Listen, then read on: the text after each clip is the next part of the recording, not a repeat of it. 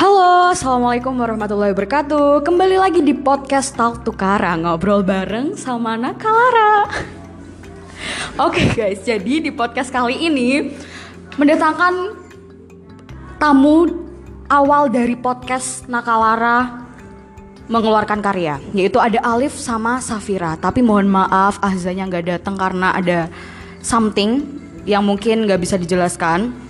Tapi tenang aja kita menghadirkan tamu baru. Pasti kalian kepo kan siapa nih tamunya? Langsung aja kita kenalan sama tamu barunya siapa. Pokoknya ini orangnya the best semua. Pokoknya asik. Gak bakal bikin garing. Yakin deh percaya. Langsung aja kita kenalan sama orangnya. Halo, eh, gimana ya? Baru pertama kali di podcast ya. Eh, perkenalan namaku Tony. Nama lengkapnya Muhammad Tony Setiawan. Ya panggil aja Tony lah. Iya gitulah. Eh, perkenalan cukup ya? Nama doang. ya cukup cukup banget Ya udah, balik ke host. langsung aja tamunya nggak cuma satu nih tapi ada dua siapa satunya ini dia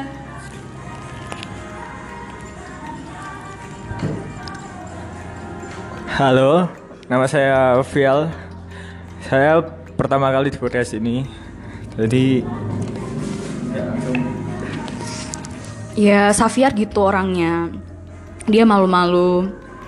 Nggak apa-apa lah ya tapi sebenarnya dia tuh good ke orangnya. Jadi di sini di podcast kali ini kita membahas how about life. Menurut perspektif masing-masing.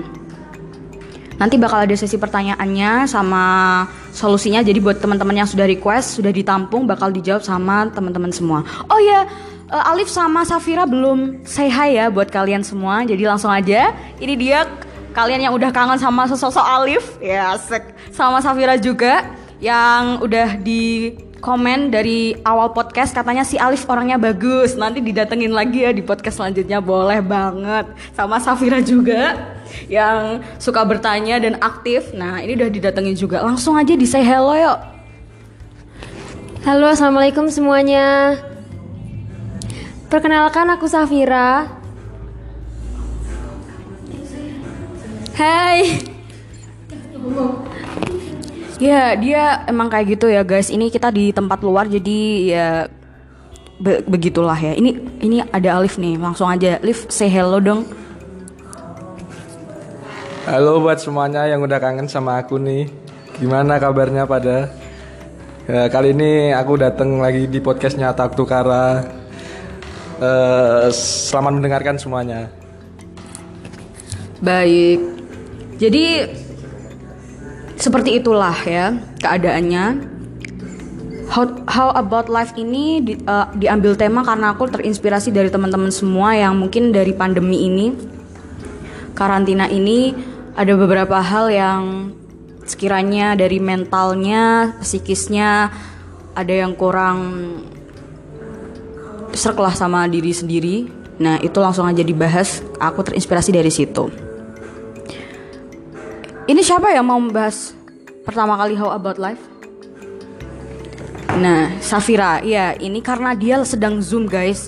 Dia mau diskusi dengan eh, dosennya, jadi dimaklumi. Oke, langsung aja ke Safira. Langsung aja.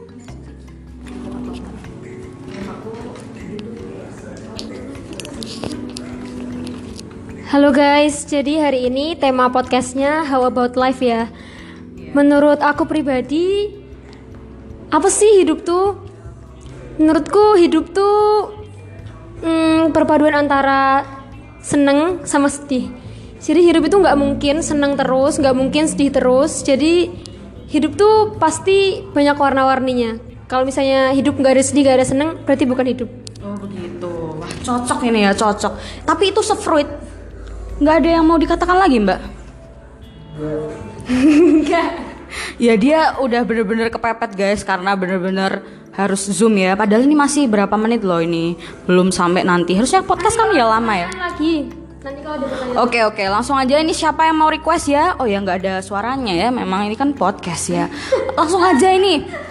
Selanjutnya si si si si Tony atau si Safiar mungkin atau si Alif silahkan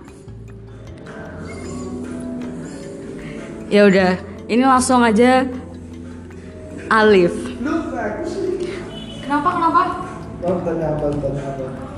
Eh, ini tentang opinimu aja how about life tuh seperti apa hidupmu tuh kayak gimana hidup tuh apa sih sebenarnya Hidup.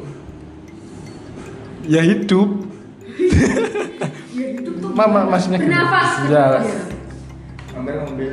Iya, urip kan mau mampir mobil. Jadi gunake waktu waktu eh, sing singkat kuwi. Buat yang gak tahu artinya, eh, hidup itu hanya mampir minum whisky contohnya. Allah Jadi eh, gunakan waktu yang singkat itu untuk melakukan banyak hal kebaikan, ke kurang-kurangilah hal-hal buruk yang ada di hidup ini. Intinya terus berbuat baik aja sama banyak orang.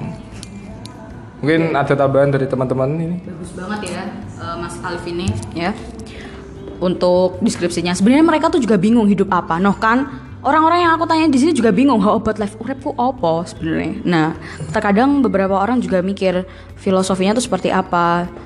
Nah ya begitulah. Langsung aja selanjutnya ini karena mengejar waktu juga. Tapi tenang aja di akhir nanti akan ada sesi pertanyaan yang nggak bikin buat kalian garing juga dan bikin kalian itu ketawa-ketawa. Langsung aja selanjutnya yaitu Tony. Silahkan. Jadi gini guys, sebenarnya eh, yang sudah dikatakan Alif tadi ya.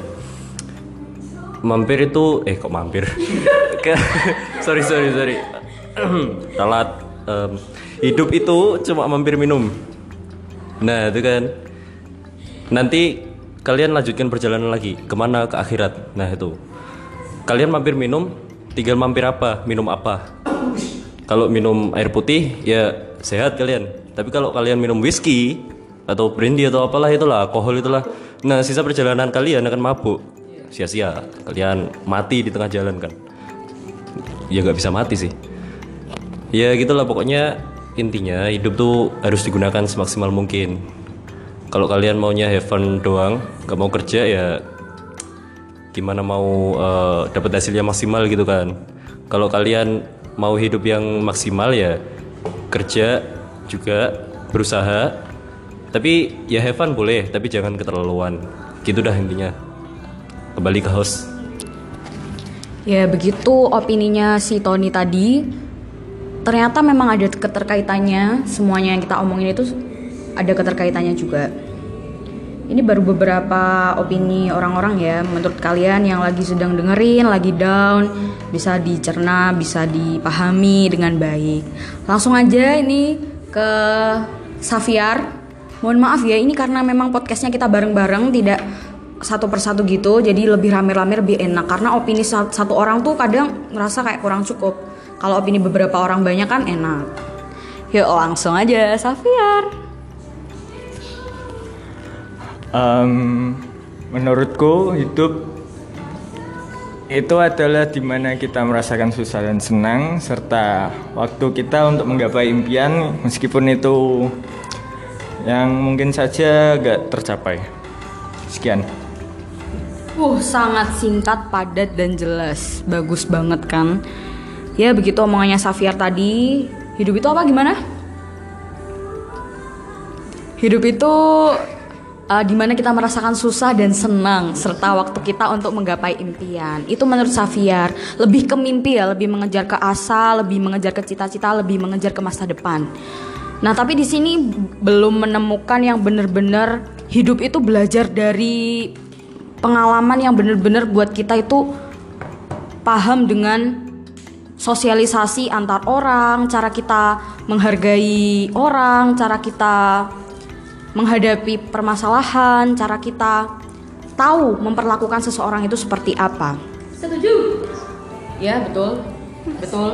Ya, betul semuanya. Ini ada beberapa pertanyaan, mungkin teman-teman bisa menjawab. Ini kita berdiskusi bersama. Yang pertama, pertanyaannya, kenapa semakin kita dekat dengan Allah, Allah tuh belum ridhoi apa yang diinginkan? Sedangkan sedangkan kalau lihat teman-teman yang usahanya B aja, terus deket sama Allah itu biasa-biasa aja, standar-standar aja, tapi malah dikasih sama Allah. Itu gimana? Langsung ke Safira coba.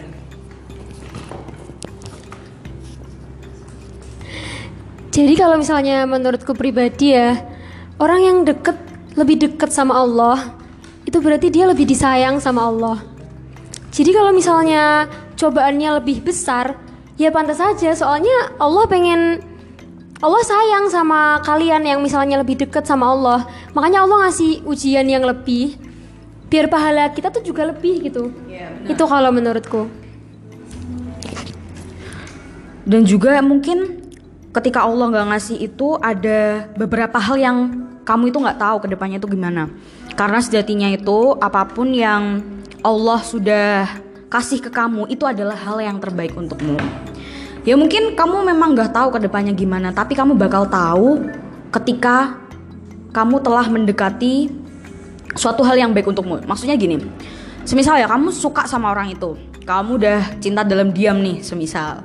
Uh, selama lima tahun kamu tuh doain dia terus. Nah ternyata dia itu tuh suka sama kamu juga. Dia tuh juga cinta dalam diam doain kamu selama lima tahun itu. Tapi ada suatu hal. Kamu harus nikah sama orang lain. Dan kamu gak cinta sama dia. Nah tiba-tiba waktu kamu nikah kamu tuh ketemu sama orang yang kamu doain kamu cintain selama lima tahun itu. Nah suatu ketika uh, ada suatu hal kayak apa ya kamu tuh di, dilihatin sama Allah kalau dia itu nggak pantas buat kamu. Ada suatu kejadian semisal kayak dia itu gara-gara terobsesi sama kamu dia itu pengen kayak kamu tuh uh, sama dia. Padahal dia udah tahu kalau kamu udah punya istri. Nah itu bisa jadi kamu disadarkan oleh Allah kayak oh iya aku bersyukur nggak punya nggak jadi sama kamu nggak berjodoh sama kamu ternyata ini. Gitu. Terkadang begitu. Ibaratnya kayak orang itu baik tapi kalau di, disamain sama kamu atau dideketin sama kamu dijodohin sama kamu tuh kurang baik gitu loh. Maksudnya nggak nggak cocok aja gitu. Bisa jadi tuh uh, akhir-akhirnya dia ngelukain kamu atau kamu sama dia nggak nggak bahagia. Itu bisa juga nah ini ada beberapa opini lagi dari teman-teman yang lain langsung aja siapa ini Alif Safir atau Tony Tony mungkin yang mau menambahkan uh, gimana tadi pertanyaannya uh, kenapa orang yang lebih dekat sama Tuhan tuh jarang terkabul? Ya nggak semua sih sebenarnya. Ada yang terkabul. Ya itu tergantung Tuhan juga sih. Guys, aku kasih tahu ya, Tuhan itu nggak pilih-pilih kok. Dia kasih rezeki ke semua orang. Ada yang uh, doanya sama beda Tuhan ya, misal Tuhannya satu sama Tuhan yang dua Orang yang satu berdoa pada Tuhannya satu. Orang yang dua berdoa kepada Tuhannya Tuhan kedua, gitu kan? Kan mereka beda agama nih. Nah tapi yang dikasih itu uh, yang gimana ya? Kalau kita agama Islam gini ya, kan Tuhan kita Allah gitu kan. Nah kita lihat orang lain yang agamanya lain gitu. Orang mereka doa, tapi yang dikabulkan mereka. Padahal kita udah yakin bahwa Allah itu maha pengasih gitu. Nah menurut agama kita di Islam itu kan Allah maha pengasih. Berdoalah kepadaku maka niscaya aku akan datang kepadamu kan begitu. Nah tapi gak dikasih ya karena Tuhan gak maha pengasih. Eh, maksudnya salah deh. Astagfirullahaladzim maafkan aku ya Allah. Jadi gini sebenarnya Tuhan itu bukan maha pemilih, gak milih-pilih gitu. Kalau kasih rezeki dia gak pilih-pilih. Kasih rezeki ke semua yang kamu anggap kafir dikasih rezeki. Karena Allah tuh gak gak pilih-pilih itu kalau kasih rezeki. Semua bisa dikasih rezeki gitu. Ya intinya gitu Tuhan gak pilih-pilih. Jadi kalau kamu masih belum dikabulkan berarti masih ada kesempatan lagi. Mungkin itu belum yang terbaik buat kamu atau uh, Allah punya pilihan yang lain buat kamu pokoknya semua yang dikasih Allah dikasih Tuhan itu adalah yang terbaik buat kamu gitu intinya nah begitu guys tadi Tony, Safira sama aku tadi seperti itu Ya, ini Safira sedang melanjutkan Zoom, jadi dia harus mengomong dengan dosennya. Safir mungkin mau menambahi? Enggak, ada Sa uh, siapa? Alif mungkin mau menambahi? Enggak. Loh, balik. Mungkin dengan eh, pertanyaan selanjutnya. Oke oke, ini ada yang mau ditambahin nih Alif. Oke baik. Eh, sesuai itu ya Alif. Jadi ibaratnya kamu dilihat dari itu aja. Ketika apa sih? Ketika waktu kemarin UTBK atau kamu tuh eh, udah daftar di mana-mana tapi nggak dapet, terus akhirnya kamu dapet ini, kamu harus dengan lapang hati harus menerima yang didapat kayak gitu loh. Kayak gimana tuh? Mbak, Mbak, intinya kan tadi pertanyaannya adalah kenapa sih orang yang Ya tapi kan ibaratnya sama gitu loh. Eh, Problemnya gitu loh. Hampir mirip-mirip. Em, kalau menurut saya mungkin ya mungkin ini. Eh, Tuhan sedang menguji kalian berapa kuat hati kalian gitu. Iya kan? Maksudnya oh ini belum belum. Karena apa? Semua rencana Tuhan di balik ini semua itu akan baik. Itu akan baik pas pasti akan baik bagi manusianya itu sendiri. Tergantung kita gimana usahanya gimana doanya gitu. Yang terpenting itu jangan lihat ah dia eh, jarang berdoa kok eh, jarang beribadah kok lebih beruntung daripada aku. Jangan begitu tetap tetap harus berdoa diimbangi dengan usaha yang baik gitu. Eh, Tuhan itu akan mendengar doa-doa kalian Tuhan itu akan memberikan apa yang kalian mau tapi dengan eh, tidak dengan semudah itu gitu. Ya kan? Semangat aja buat kalian yang eh, mungkin lagi iri gitu sama temennya eh, kalau ada kalian yang eh temanku kok masuk PTN aku kok nggak masuk gitu kan. Nggak apa-apa mungkin belum sekarang mungkin masih masih ke depannya. Eh, rezekinya temanmu itu ada di PTN lah kamu mungkin nah, di swasta yang biasa-biasa aja itu gak apa-apa mau swasta mau negeri itu tidak apa-apa yang penting gimana niatmu ngejalanin itu gitu. Toh nanti keluarnya sama-sama saja. Ya itu mungkin dari saya Ya gitu guys, jadi uh, aku juga pernah baca dan juga pernah mengalami juga. Jadi ketika kita itu imannya udah bener-bener kuat, bener-bener akan kecintaan sama Allah itu udah dalam, kita tuh sebagai hambanya itu pasti bener-bener diuji. Diuji bener-bener leb- uh, lebih besar gitu loh. Ibaratnya naik level. Kalau semisal kamu diuji level A, kamu lulus, ya pasti akan naik lagi level ke B dan selanjutnya. Begitu guys. Jadi semakin kita beriman sama Allah, semakin kita benar-benar dekat sama Allah itu benar-benar diuji karena Allah itu sayang. nggak mungkin kok enak kalau hidup di dunia ini nggak diuji ya nggak kok enak banget gitu loh. Karena segala sesuatu yang ada di bumi itu sudah tertulis sama Allah, sudah diatur sama Allah dan pastinya kita semuanya setiap manusia ada masalahnya. Jadi tetap semangat, tetap husnudon sama Allah.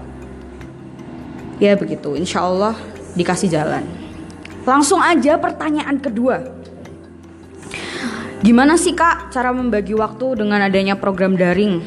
Capek pikiran terlalu padat, capek hati karena udah nggak kuat. Terus biar semangat sekolahnya, apalagi kelas 12. Capek batin. Setiap hari tuh ada aja tugasnya nggak berhenti henti buat video lah proposal lah gini gini gini nah itu gimana kak bisa dijawab kak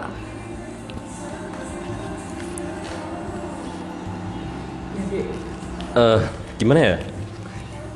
Jadi gini, aku tuh kan kelas 12 kemarin. Nah kan udah lulus. Nah itu kan Maret kemarin kan ya mulai daring. Nah tuh eh, gimana ya? Kalau dari aku sih gak pernah dikasih tugas-tugas yang kayak se- segudang langsung numpuk gitu kan gak pernah kalau aku sih. Jujur kalau aku daring gitu tidur bolos lah. Karena apa udah gak di absen. Ya jujur aja sih. Tapi kalau kalian misal eh, minta tips dari aku, ya aku nggak bisa bantu banyak. Tapi aku kasih tips saja kalau misal kalian punya waktu luang, gunakan tuh buat have fun atau gimana. Tapi kalau udah waktunya serius, seriusin aja. Kalian kalau punya PR, kerjain langsung selesaikan. Habis itu kalian punya waktu kalau punya waktu luang gitu kan, langsung buat have fun aja. Pokoknya lupakan semua lah gitu. Kalau kalian terlalu serius ya nanti gimana ya? Kalau kalian ngambis gak apa-apa sih, tapi kalau kalian serius sampai depresi gitu kan kasihan kalian sendiri gitu. Jadi pokoknya luangkan waktu lah buat me time atau buat hangout sama teman-teman gitulah kalau weekend gitu. Ya pokoknya intinya itu luangkan waktu untuk Evan gitu aja sih. Ya begitu caranya Dek yang tanya kayak gimana itu udah ada sefruit cara dari Mas Toninya nanti juga ditambahi. Mohon maaf ini agak mungkin berisik ya guys. Karena ini di luar juga sebelah ada orang yang zoom sama dosennya. Jadi ada yang bilang ya dok mohon maaf dok itu temanku. Oke? Jadi nggak apa-apa ya. Buat gak garing aja. Buat background musiknya. Mungkin Safiar bisa menambahi gimana nih kak? Zoom itu tuh bosen. Terus daringnya kayak gitu. Kak Kak Alif juga ya itu ada orang yang doa. Sebenarnya aku tuh pengen ketawa guys. Amin. Jadi di sebelah itu ada yang zoom kan tadi udah aku omongin ya itu. Yuk langsung aja Kak, bisa ditambahin?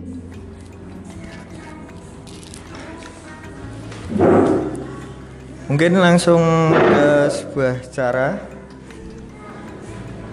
agar kita bisa hmm, apa ya lebih pintar-pintar memanage waktu untuk apa? Agar kita agak males-malesan. Terutama iya. Kalau semisal kita gak memanage waktu untuk atau gak buat jadwal sendiri gitulah kita mesti males-malesan malas untuk bangun lah misalnya terlanjur sudah iya Em, mungkin sudah itu saja Jadi lebih ke pintar-pintar membagi waktu ya untuk kaliannya gitu. Ada kok beberapa. Sebenarnya tergantung kalian ada beberapa cara. Tinggal kalian yang membaginya. Semuanya tuh insya Allah bisa happy ya. Kalau udah di manage atau mungkin kalian bisa membuat list jadwal gitu kan. Habis ini ini ini ini, habis ini ini ini biar teratur gitu. Ya mungkin Kak Alif mau menambahi tentang ini adik-adiknya Zoom tuh capek daring. Katanya tuh gini daring itu tuh gak mau tambah pinter tapi mau tambah goblok katanya gitu. Gak masuk pelajarannya gak mudeng gitu. Itu gimana itu kak enggak dong. Kalau kalau kalau eh, mindset kalian itu daring buat goblok, gak gak masuk pelajarannya. Iya ya emang gimana ya? Jangan jangan dibuat pikiran seperti itulah. Maksudnya ah, having fun aja lah, di, dinikmati aja dulu kan. Ya, ya mau gimana lagi mau gak mau gak mau gak mau dengan kondisi pandemi yang sekarang ini kan harus memaksa kalian untuk tetap belajar meskipun eh, lewat daring gitu. Kalau kalian capek gitu, kan sekarang ada mode gitu toh. Kalian pasang wallpaper mu- muka kalian aja, tinggal tidur udah. Kan enak juga capek udah. Nanti kalau Iya ya kan ka- ka- katanya capek gimana lagi mau mau tinggal tidur ya udah pasang wall- background wallpaper wajah kalian aja kalian tinggal tidur terus eh, nanti kalau kiranya gurunya manggil dosennya manggil apa gimana gitu nah nanti wallpapernya di offin gitu. Ka- kalau belajar tetap belajar ya jangan jangan sampai males-malesan lah tetap belajar mas meskipun harus belajar mandiri di sini. Nah gitu guys itu salah satu cara bisa juga ya kak ya. Bisa juga. Atau mungkin kalian punya inisiatif sendiri dengan selain itu semua bisa juga langsung aja ke pertanyaan selanjutnya. Ini pertanyaan aku suka sih. Dari masing-masing. How to survive. Pastikan ada setiap orang itu ada struggle-nya masing-masing. Nah masing-masing orang itu kan berbeda-beda. Kadang itu kalau udah putus asa sama dirinya itu ada kepikiran kan? Di dalam pikirannya hatinya hidup tuh untuk apa sih? Kehilangan arah terus terjerumus ke dalam hal-hal negatif. Bahkan mungkin ada yang sampai kayak hidupku untuk apa gitu kan pasti mau bunuh diri karena emang gak ada solusi, gak ada teman, gak ada tempat curhat. Sebenarnya tuh ada guys. Kalau kalian lagi keadaan kayak gitu, langsung aja datang ke Allah. Allah itu tuh terbuka ya. Kadang tuh gini, kita tuh ngerasa kayak gak sadar diri sama Allah. Ibaratnya kayak kita punya teman, alah konco iku apa teko nek ono senenge tok tapi nek susah gak gak ono ya sama. Kita kalau sama Allah itu kalau sedih kita datang kita nangis kita doa pokoknya semuanya. Tapi kalau kita udah dapet ya kita udah lupa. Terus kita udah jarang beribadahnya. Semisal kayak waktu sedih pengen dapet sesuatu nih. Semisal PTN kita tuh sholat terus sholawatan kita sholat duha sholat tahajud puasa senin kamis. Full. Full pokoknya. Tirakannya tuh bagus. Tapi setelah dapet semisal dapet UGM atau UI yang diinginin. Terus kalian udah lupa udah jarang sholat duha udah jarang sholat tahajud udah jarang puasa senin kamis lupa. Padahal di Al-Quran juga udah ada ditulisin. Bener di Al-Quran tuh udah ada ditulisin gitu loh. Manusia tuh datang dalam keadaan kesusahan. Tapi kalau sedih ya udah. Kalau seneng maaf maaf maaf. Kalau seneng ya udah tinggal. Gitu. Nah ini pertanyaannya gitu. Hidup itu untuk apa sih? Kehilangan arah terus terjerumus ke negatif gitu. Hal-hal fundamental perlu ditanam. Yang perlu ditanam tuh apa? Nih. Dari Kak Alif mungkin atau nanti aja Kak Safiar? Oh nanti. Ya udah Kak Tony pasti always ini yang pertama. Oke langsung aja. Wah, aku jadi pelarian gini ya. Eh, jadi sebenarnya gimana ya fundamental apa yang harus disiapkan dalam hidup itu untuk eh, mengatasi semua permasalahan hidup. Sebenarnya aku nggak terlalu tahu sih, soalnya aku tuh orangnya sebenarnya jujur cuek banget. Jadi kalau ada masalah ya udah gitu. Masalah masalah pergi nanti pergi sendiri gitu. Kalau aku sih gitu, tapi eh, untuk persiapan gimana ya? Karena aku juga dibesarkan di lingkungan yang eh, untuk menuntut untuk sabar gitu. Jadi harus sabar. Kalau nggak bisa ya ya udah breakdown breakdance acep-acep gitu. Eh ngomong apa sih? Eh, gimana gimana ya? Aku sebenarnya juga bingung sih. Untuk persiapan fundamental apa yang harus disiapkan dalam hidup tuh? Yang pertama tuh kalian harus siap mental. Ya harus. Tapi gimana caranya? Eh gimana ya? Aku juga bingung sih karena nggak pernah apa masalah kayak gini sih. Aku punya temen punya temen. Kalau punya anxiety dia anxiety apa namanya? Kecemasan. Yaitu gangguan psikologi kecemasan gitu kan. Apalagi kalau yang orang itu toxic. nah gitu. Pokoknya dia punya gangguan kecemasan gitu kan. Kalau bahasa kerennya anxiety. Jadi tuh kalau ada masalah sedikit gitu dia tuh kayak mungkin orang pikir anu ya lebay gitu kan. Tapi itu di pikiran dia tuh beda sama pikiran kita. Jadi kalau ada masalah dikit gitu ya udah gitu. Masalahnya itu jadi besar bisa jadi besar gitu. Karena di pikiran dia tuh terlalu cemas gitu kan. Nah biasanya tuh eh pokoknya kamu tuh cari teman yang bisa eh, ngatasi apa bukan ngatasi sih tapi yang selalu ada buat kamu gitulah. Nah Ha, bisa buat curhat atau gimana gitu. Tapi ya susah memang susah. Tapi kalau mau cari tuh harus benar-benar dipercaya. Kalau gimana ya kalau memang nggak nggak baik orangnya atau memang nggak bisa dipercaya tambah breakdown kak. Karena kayak gitu tuh toxic itu kasihan juga sih. nah toxic tuh bener. Heeh. jadi ya kalau tips dari aku itu cari teman yang bisa buat kamu keluh kesah yang bisa curhat gitu kan nanti kamu bisa merasa lebih baik gitu. Kalau setiap kali kamu chatan atau curhat sama dia gitu kan. Ya pokoknya intinya itulah. Kamu tuh harus dikelilingi sama orang-orang yang baik. Kalau nggak bisa ya minimal satu orang itu ada yang baik yang selalu ada buat kamu gitulah.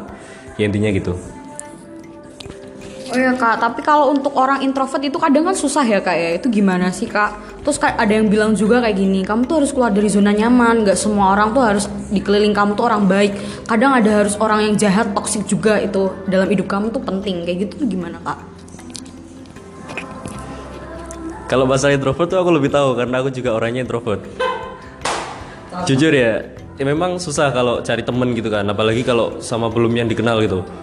Kalau SMP aku terkenal dulu, kelas 7 gitu kan awal-awal. Beh, diem banget. Sampai ada yang bilang nilai sikapku bakal A 100 gitu kan, 100 plus plus malah. Nah, karena diem banget tau gitu. Kelas 8 juga, tapi kelas 9 mulai karena apa ada yang aku kenal gitu kan. Jadi ya udah eh, lumayan lah gitu. Bukan seseorang yang Nah tuh kalau gimana ceritanya aku tuh punya satu teman jadi pacar aku dong udah udah diam jadi itu sebenarnya gini. Aku tuh ya eh gak tahu ya. Kalau aku tuh padahal diem. Diem banget gitu kan. Tapi entah kenapa nempel sendiri tuh temen. Kelas 7 gitu kan diem. Nempel sendiri gitu kan. Nggak tahu kenapa. Kelas 8 juga.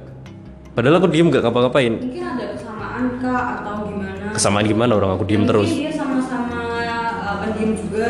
Enggak lah. Enggak Aku doang. Yang diem aku doang. Tapi serius Yang paling diem tuh aku doang di kelas. Gimana ya Waktu kelas 8 tuh Aku punya temen. Dia tuh Bisa dikatakan introvert sih. Eh bukan ding. Extrovert. Salah sorry sorry. Siapa? Yang anda atau Temen aku. Oh, extrovert? Nah, jadi tuh punya temen, aku punya temen ekstrovert. Padahal aku, ya dia tuh gimana ya? Sebenarnya dia tuh suka kayak ngusilin orang gitulah. Nah, dia pernah ngusilin aku, ya udah aku usilin balik. Yuk, pokoknya gitu, usil-usilan gitulah. Nah akhirnya lama-lama jadi temen gitu kan. Waktu kelas 9 mulai chatan. Nah pertama kali dia kelas 9 tuh punya masalah anxiety itu yang aku ceritain tadi. Nah itu pokoknya ya aku berusaha jadi temen yang baik buat dia tapi kalau dibilang toksik dulu aku tuh nggak toksik sih tapi kayak ngeremehin gitu loh. Alah gitu doang. Nah tapi ya lama-lama dia tuh sebenarnya nyaman sama aku. Ya nggak tahu sih bener apa enggak itu. Tapi ya insya Allah bener lah. Nggak tahu lah. Aku kan nggak tahu hatinya orang. Nah pokoknya gitu selalu aku yang ada gitu kan. Nah dia juga selalu ada buat aku. Cie cie Ya pokoknya intinya gitu. Aku nemu temen tuh dari gak sengajaan gitu lah. Ketidaksengajaan yang membuat Apa ya Punya temen gitu lah. Ya pokoknya gitu. Kalau kalian misal ada di lingkungan yang toksik gitu Ya jangan jangan mulu di situ. Jangan diem mulu di situ. Ntar kamu gak dapat Anu gak, dapet- gak dapet temen yang eh, Gimana ya bilangnya Setia yang selalu menemani gitu lah. Ya pokoknya intinya gitu. Kalian kalau misal ada di lingkungannya toksik Pergi cari teman di tempat yang lain Ntar ketemu kok Aku yakin pasti ada yang mau sama kamu Ya intinya gitulah Ya pasti ada kok ya. Satu orang pun pasti ada. Gak mungkin semuanya kok nggak ada. Kayaknya nggak mungkin deh. Pasti ada kok ada. Jadi gitu guys ceritanya dari Kak Tony tadi bisa kalian eh, pelajari. Sebentar mas saya nggak fokus. Dia mau ngover lagunya Tulus guys Alif. Begitu. Kalian bisa resapin bisa oh oh ya ternyata kayak gini kayak gini ya kayak gitu. Jadi kayak gini tuh aku bersyukur guys dengan podcast kayak gini tuh ternyata opini orang dan pendapat orang tuh berbeda-beda. Kebuka matanya mindsetnya tuh udah beda juga. Bisa buat bener-bener belajar dari setiap orang kalau berpendapat begitu dan kadang tuh kemarin habis ke Kudus ya aku cerita. Jadi eh, aku tuh punya temen. Ya deket banget lah. Traveling ke mana-mana sama dia apa pun ke mana-mana sama dia. Pokoknya dia tuh ada gitu. Terus suatu ketika tuh gini dia bilang enak ya jadi kamu. Kamu tuh eh, temenan sama orang tuh ber apa hubungan pertemanannya tuh bisa seasik itu kayak gitu. Aku tuh di situ kayak jep mak kicep gitu loh. Kicepnya tuh kayak eh ternyata ada orang yang kayak kagum gitu ya. Karena aku tuh kadang kayak kurang bersyukur kurang bener-bener memahami arti pertemanan itu seperti apa. Tapi dia lihat aku tuh kayak enak ya jadi ipeh tuh kayak gini jadi ipeh tuh punya teman banyak kayak gini. Well aku punya teman banyak banyak banget. Bahkan mereka asik-asik tapi nggak semuanya itu mereka ada di saat kita down. Nggak hanya beberapa orang saja. Tapi aku bersyukur ketika aku down ketika aku bener-bener sakit atau apa banyak banget orang yang bener-bener support bener-bener kayak Ipe harus sembuh Ipe harus gini kayak gini kayak gini nggak usah takut ada ini. Aku tuh langsung kayak ya Allah ternyata uh, orang tuh se sebaik ini tuh sama aku sebener-bener peduli care kayak gitu sama aku sampai mungkin ketika kamu tahu orang itu benar-benar peduli ketika dia tuh sakit ketika itu dia mau meninggal itu kamu baru tahu siapa yang benar-benar tuh nyari kamu benar-benar siapa yang tahu ada buat kamu nyariin kamu itu waktu kayak gitu Eh tapi jangan beneran. yang enggak lah ya Allah jadi begitu guys ceritanya. Dan aku bersyukur banget. Terima kasih buat kalian semua. Nggak bisa aku nggak bisa aku sebutin semuanya orang satu persatu. Karena mungkin mikirnya kayak loh Ipeh kan sering sama aku tapi kok nggak disebut? Nggak kalian semua tuh ber- berarti buat hidup aku. Dan terima kasih telah ada dalam layar hidup aku selama SMA ini. Bahkan banyak banget. SD SMP SMA tuh banyak banget orangnya Ya jadi aku berterima kasih telah mempunyai teman-teman yang baik di lingkungan orang yang baik dan terima kasih juga untuk orang yang telah menguji kesabaran, telah menguji eh, sifat sifat-sifat keegoisan atau apa pun itu dalam diriku telah menguji itu terima kasih banget. Dengan seperti itu aku bisa menjadi lebih dewasa. Gitu guys. Mungkin ada yang mau menambahi dari Kak Alif atau Kak Safiar? Ada yang mau menambahi Kak yang tadi putus asa dalam hidup begitu. Eh, belum? Oh belum. Mungkin kak Safiar? Nggak juga jangan-jangan. Ya, ini dia lagi bingung juga guys. Jadi Safir juga bingung. Dia mau ngomong kayak gimana? Ya, Alif tuh nggak pernah sampai sepemikiran hidup itu kalau kalau eh, pertanyaannya hidup itu untuk apa sih? Sebenarnya kan tadi saya pertama udah bilang kan eh, hidup itu hanya sebentar. Jadi untuk- kalau kal- kalian tanya hidup untuk apa sih? Ya ya untuk mencari sebuah kebaikan gitu. Ya dibalancein aja lah antara eh, di dunia sama di akhirat nanti Jadi ibaratnya kayak menanam padi gitu lah. Iya. Nanti akhirnya kita tinggal itu. tinggal na- tinggal tinggal udah udah ada lah gitu ini apa ke kehilangan arah kehilangan arah terjerumus ke hal negatif. kalau gini ya kalau buat kalian yang udah terlanjur eh, terjerumus ke hal-hal negatif itu mencobalah untuk berkeluar mencobalah untuk keluar dari lingkaran negatif tersebut. Eh, hal-hal negatif itu contohnya gimana sih? Rokok. Kayak gimana? Well, kalau rokok negatif? Ya udah aku berhenti ngerokok. Gini loh kalau rokok negatif itu kan berarti tergantung pemikiran masing-masing. Iya, kita semua semua orang eh, semua orang negatif. Lah kalau negatif nah ini ini ini konteksnya ini dia gimana? ini hal-hal negatif kayak dia udah putus asa dia udah bener-bener kayak eh, bener-bener kehilangan arah tuh kayak dia mau bunuh diri mau bener-bener ngancam diri sendiri. Dia ngelakuin suatu hal yang bener-bener membahayakan tapi dia itu puas gitu loh. Kadang kan ada yang mentalnya seperti itu gitu loh. Itu sangat ya kasihan sekali. Lah buat kamu yang mau bunuh diri daripada bunuh diri lah. Sinilah gue sinilah aku matiin saja lah gitu. Jadi orang kok kayak gitu telah lah maka bunuh diri kan namanya kan nganu tuh bubu nuh bunuh. Janganlah jangan jangan jangan jangan sampai punya pemikiran seperti itu gitu. Kalau emang lagi down banget eh, ceritain semuanya. Kalian kan punya Tuhan. Tuh Nah, ceritain semuanya. Kalau emang nggak bisa percaya sama orang ya. Kan ada sih orang yang eh, aku nggak bisa percaya sama orang. Semuanya di, di dia pendem sendiri. kadang kayak apa sih temen tuh kayak nggak Ya kan temen oke lah. Di sini kita sharing temen. Kadang kan ada yang di sini asik ngobrol sampai terlalu larut dalam. Tapi tapi nanti kalau di, udah di luar tongkrongan beda tongkrongan sendiri. Nah itu nanti aib aib kita dibuka kan gitu. oh iya ada Eh, aduh temen toksik banyak itu Mas. aduh aduh aduh. jangan kayak gitu mas ya. Aduh, aduh. toksik itu jangan please. buka kok aib. Buka tuh rekening. Ya gitu guys. Itu eh, pendapat dari Alif seperti itu. Untuk ma- malah membahas pertemanan juga.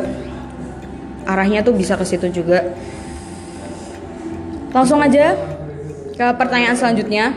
Ini bagus mas. Ini bagus diputusin pacar karena bosen adalah hal yang epic ya kan? Tapi diputusin karena mau hijrah di jalan Allah itu memanglah sulit. Tapi sebentar aku tadi tuh mau ngomong sama pertanyaan yang se- sebelumnya. Tapi itu apa ya? Aku lupa. Eh, langsung aja deh. Ini dijawab aja yang nomor 4 yang pertanyaan keempat. Nanti kalau ada eh, penambahan dari question yang ketiga nanti aku tambahin ini gimana? Ini kayaknya belum ada yang diputusin. Kamu yang pernah diputusin ya? Kalau kalau pernah diputusin loh. oh pernah? Oh, pernah loh, diputusin loh. Aku pernah. oh iya. Tapi kalau kalau kalau aku sih enggak ya guys. Mohon maaf yang punya podcastnya sendiri tuh belum pernah pacaran jadi aku juga bingung. Tapi menurut aku pendapatku diputusin pacar karena bosan adalah hal ep- epic. Tapi diputusin karena mau hijrah di jalan Allah memanglah sulit. Ya memang sulit.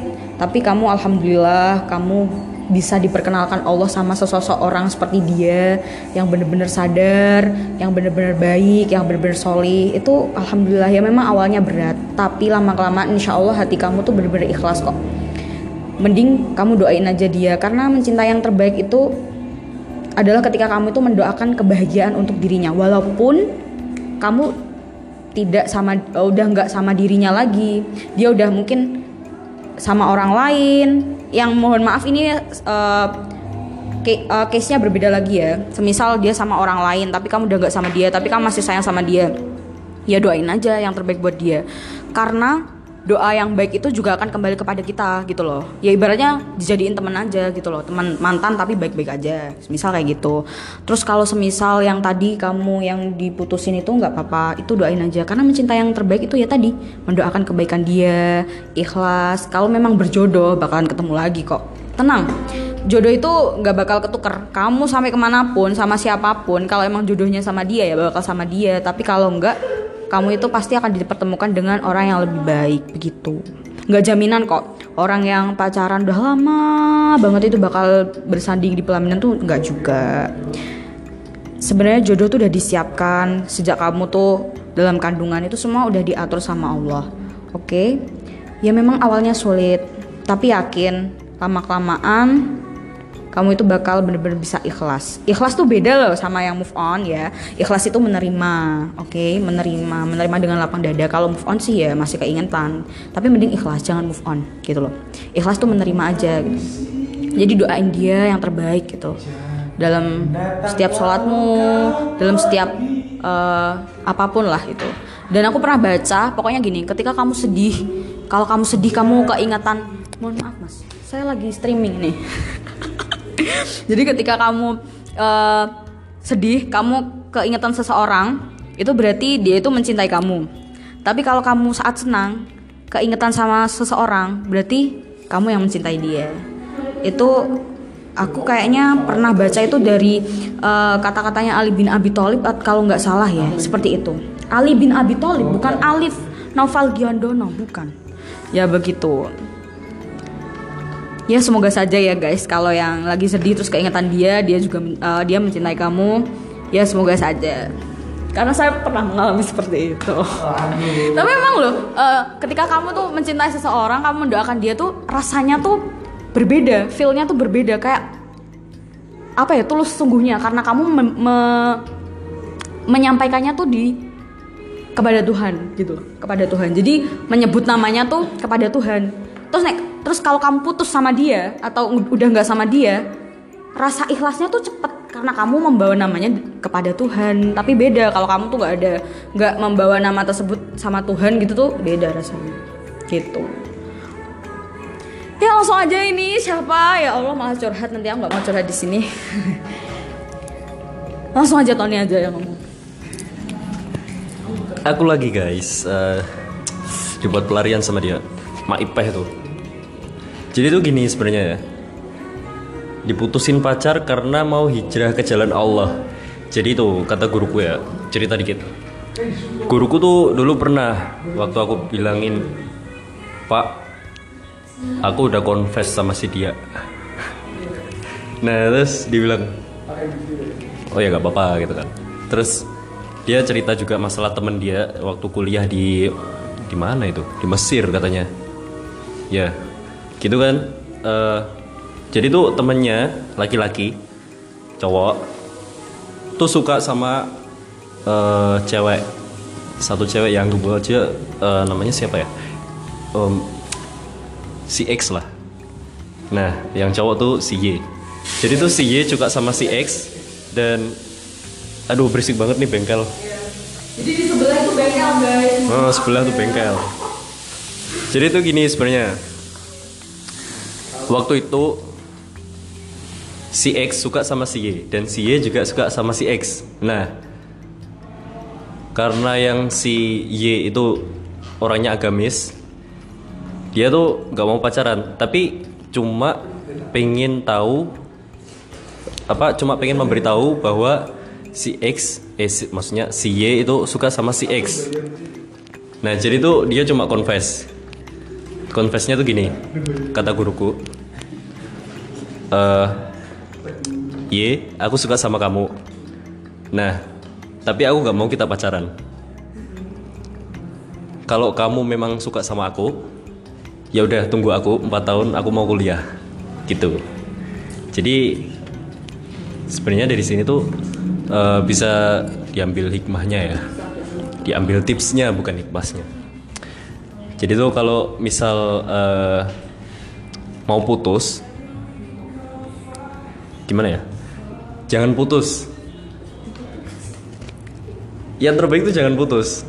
Tapi katakan sama dia bahwa dia tuh mau hijrah di jalan Allah. Tapi kalau semisal itu nggak cocok gimana? gak cocok berarti dia yang bosen lah. Alasan tuh. Gini, kalau semisal memang dia tuh bukan jodoh ya, itu gimana?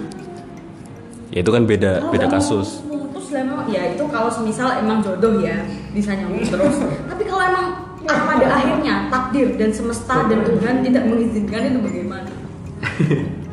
Jadi gini, kita fokusnya gak ke itu ya. Sebenarnya kalau masalah jodoh tuh di tangan Tuhan. Ya emang kalau kita eh apa ya, perjuangin mati-matian tapi gak sama dia ya memang udah takdir tuh. Walaupun sakit tapi ya terima aja gitu lah. Nah, kita fokusnya tuh di sini. Dia mau putus. Kalau sebenarnya ada alternatif gini.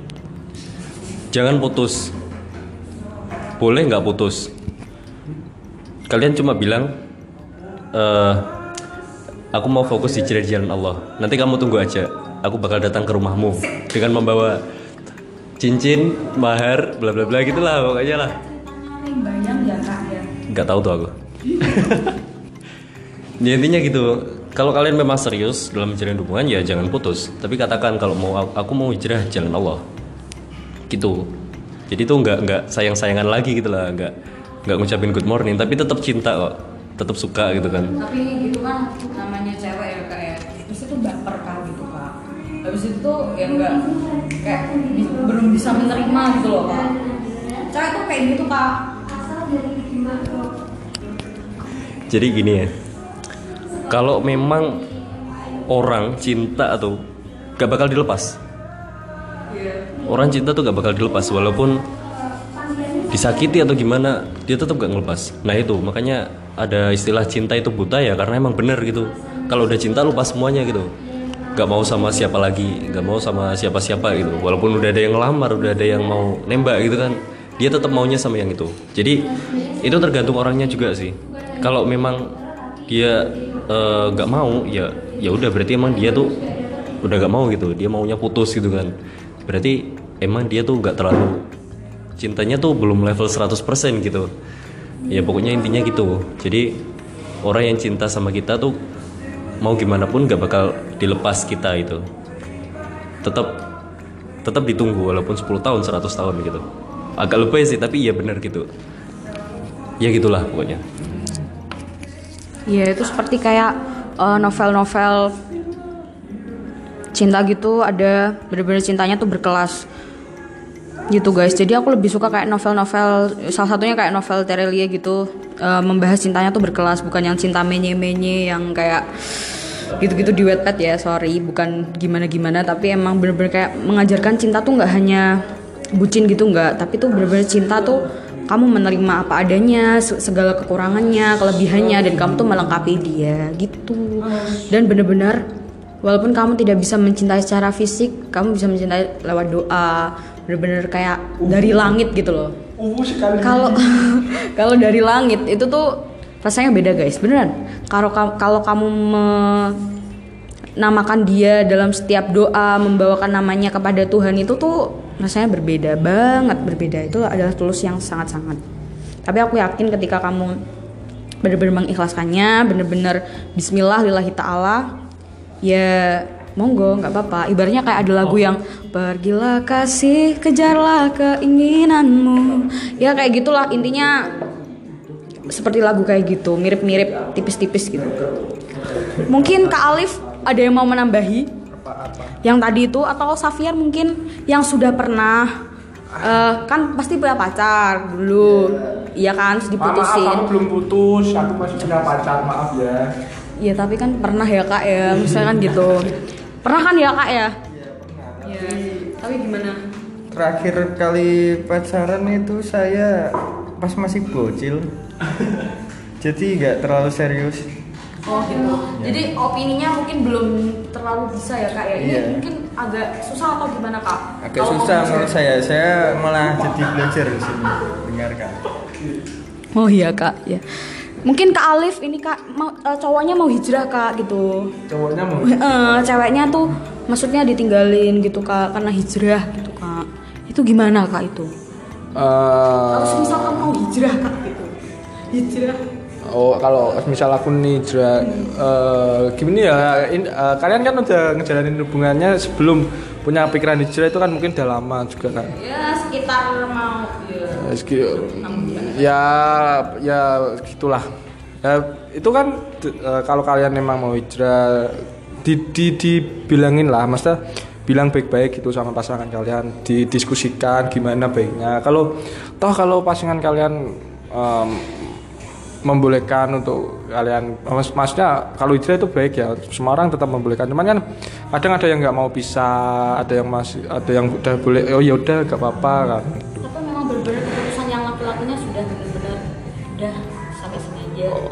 Tapi tapi perempuannya gimana ini? Ya sulit. Oh, perempuannya sulit buat ngelepasin. Ya gini loh. buat buat buat buat, buat perempuan cewek-cewek yang di luar sana. Kalau eh, pacarnya mau hijrah gitu kalau emang harus harus harus harus melepas harus saling melepaskan ya udahlah. Eh, dile- dile- dilepasin aja. Toh toh itu ya juga buat kebaikan dia buat buat kamunya kamunya juga bisa belajar gitu. Kalau kalau kalau oh iya itu itu itu baik kan makanya kalian ikut-ikut ikut hijrah juga ya tidak apa-apa gitu. Kalau memang nganu nganu dong nganu. Aku bingung guys. Gak tahu lagi mau ngomong apa. Soalnya gini ya guys. Aku yo aku yo urung hijrah guys. Aku yes iki guys lah. Piye meneh guys. Yo intinya ya intinya gitulah. Maksudnya diomongin baik-baik dulu. Nah, biar biar eh, ceweknya juga bisa nerima kalau cowoknya mau hijrah cowoknya juga bisa eh, melepasin ceweknya kalau karena alasan dia mau hijrah gitu. Seperti yang apa tadi Ipe katakan kan kalau jodoh itu bakal kembali lagi tenang aja. Yang penting selalu berdoa untuk kebaikan dia kebaikanmu kebaikan kalian semua. Oke guys? Ya begitu guys, benar kata Alif tadi. Doakan saja, insya Allah kalau benar-benar jodoh bakal ketemu. Dan mohon maaf ya guys, aku kurang suka sih kalau semisal bahasnya tuh cinta atau gimana. Ya bu- kalau semisal tentang doi ya, kalau cinta yang orang tua, cinta teman atau cinta gimana sesama muslim itu beda lagi. Tapi kalau cinta yang eh, lawan jenis gitu aku kurang suka karena aduh ras- rasanya itu rasanya tuh kayak apa ya Sofian rasanya tuh kayak apa sih? Kayak apa ya? Mau mengungkit mengungkit masa lalu begitu ya memang ada beberapa masa lalu yang menurut aku sedih sih tapi nggak usah diceritain karena itu cukup buat pembelajaran. Tapi nggak apa-apa kok aku nggak pernah sedih karena hal tersebut itu membuat kita tuh tahu belajar akan arti semuanya itu. Jadi akan pada akhirnya itu kamu tuh udah kalau melewati fase itu berhasil, kamu tuh bakal tersenyum. Oh ternyata aku udah berhasil dalam fase itu ya. Emang awalnya tuh emang sedih-sedih gitu, tapi akhirnya kalau kamu sudah melewati seperti itu, kamu bakal senang. Gitu teman-teman. Dan terima kasih untuk teman-teman semua yang telah memberikan pertanyaan. Semoga bermanfaat. dengan pertanyaan semuanya itu terus opini-opini teman-teman tentang how about life seperti apa semoga benar-benar membuat kalian lega. Mohon maaf banget kalau semisal ini agak kurang gimana gitu ya guys ya. Karena ini sebentar lagi udah 60 menit ini udah di stop sama Anchor jadi langsung aja. Terima kasih buat teman-teman semua yang telah mendengarkan podcast Talk Tukara. Jangan lupa menantikan podcast-podcast selanjutnya dan mohon doanya untuk teman-teman. Mungkin podcastnya akan lebih bagus lagi tahun depan karena uh, selama satu tahun ini mungkin saya akan break dulu. Oke buat teman-teman semua semoga hatimu dan harimu diselimuti kebahagiaan. Terima kasih. Wassalamualaikum warahmatullahi wabarakatuh